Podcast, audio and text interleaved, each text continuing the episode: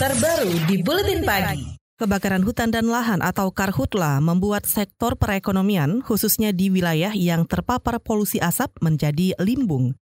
Pengusaha anggota Kamar Dagang dan Industri atau Kadin, Thomas Darmawan menyebut, sedikitnya ada empat dampak serius, yaitu kelancaran distribusi barang, kerugian ekonomi akibat biaya kesehatan, terhambatnya pasokan pertanian dan perkebunan, di samping itu juga terganggunya hubungan diplomatik dengan negara-negara tetangga. Asapnya inilah yang mengganggu untuk penerbangan, untuk lalu lintas darat maupun juga untuk lalu lintas sungai. Ini akan mengganggu distribusi barang, juga orang.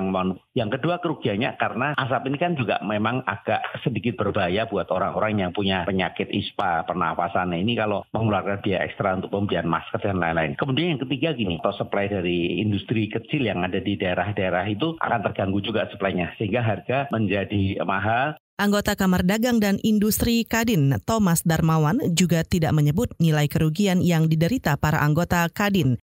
Meski begitu, Kadin Riau menyebut kerugian secara multisektor ekonomi di wilayah itu sedikitnya mencapai 20 triliun rupiah sepanjang September saja. Para pelaku usaha hotel dan restoran di Riau ikut meradang terpapar dampak kebakaran hutan dan lahan.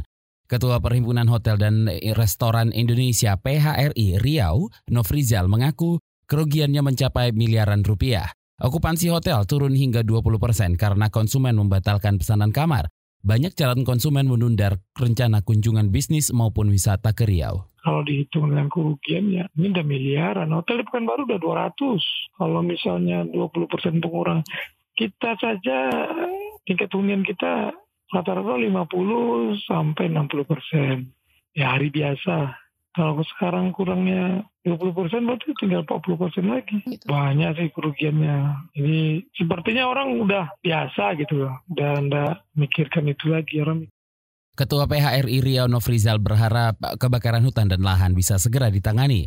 Para pengusaha perhotelan dan restoran anggota PHRI Riau berinisiatif menyiapkan sedikitnya 200 kamar hotel gratis bagi ibu hamil dan masyarakat lanjut usia yang jadi korban karhutla.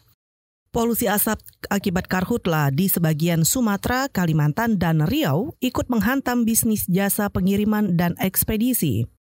Ketua DPP Asosiasi Perusahaan Jasa Pengiriman Ekspres Indonesia atau Asperindo, Trian Yuserma mengatakan, nilai kerugian material yang diderita anggotanya terbilang signifikan terutama yang menggunakan transportasi udara. Bahkan kita tutup untuk layanan yang pasti itu kita tutup. Setahu saya sekarang ini Palangkaraya, Banjarmasin, Pontianak. Kemarin tuh Pak Priyo masih airline masih masuk, tapi nggak tahu hari ini ya. Saya belum cek. Aduh Pak, jangan dilihat komersialisasinya gitu. Mas, kita fokus saja sekarang gimana dipadamkan. Saya yakin semua pihak ingin segera selesai. Kalau ditaksir skala ekonominya besar, kalau bicara skala ekonominya besar, tapi kan eh, bukan itulah yang mau kita angkat selesaiin aja segera.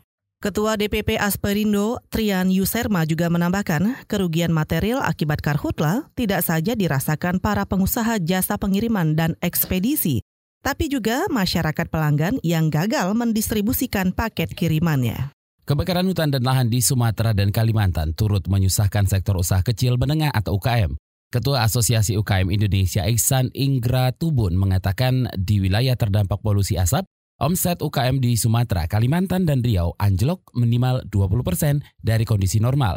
UKM yang paling naas terhantam karhutla kata Iksan adalah usaha kelontong dan jasa pengiriman barang. Nah, jadi usaha-usaha itulah yang paling banyak berdampak juga usaha-usaha makanan karena usaha makanan kan apalagi usaha-usaha emper makanan itu berada di daerah-daerah di luar nah, itu akan pasti berdampak. Tragisnya biasanya tutup, biasanya tutup satu atau dua hari, biasanya sampai tiga hari dia kalau masih nah, tergantung masih kabutnya, sorry masih asapnya masih masih masih tebal maka dia uh, tutup itu. Ketua Asosiasi UKM Indonesia Iksan Inggra Tubun berharap pemerintah sudi memberi kompensasi terhadap UKM yang merugi.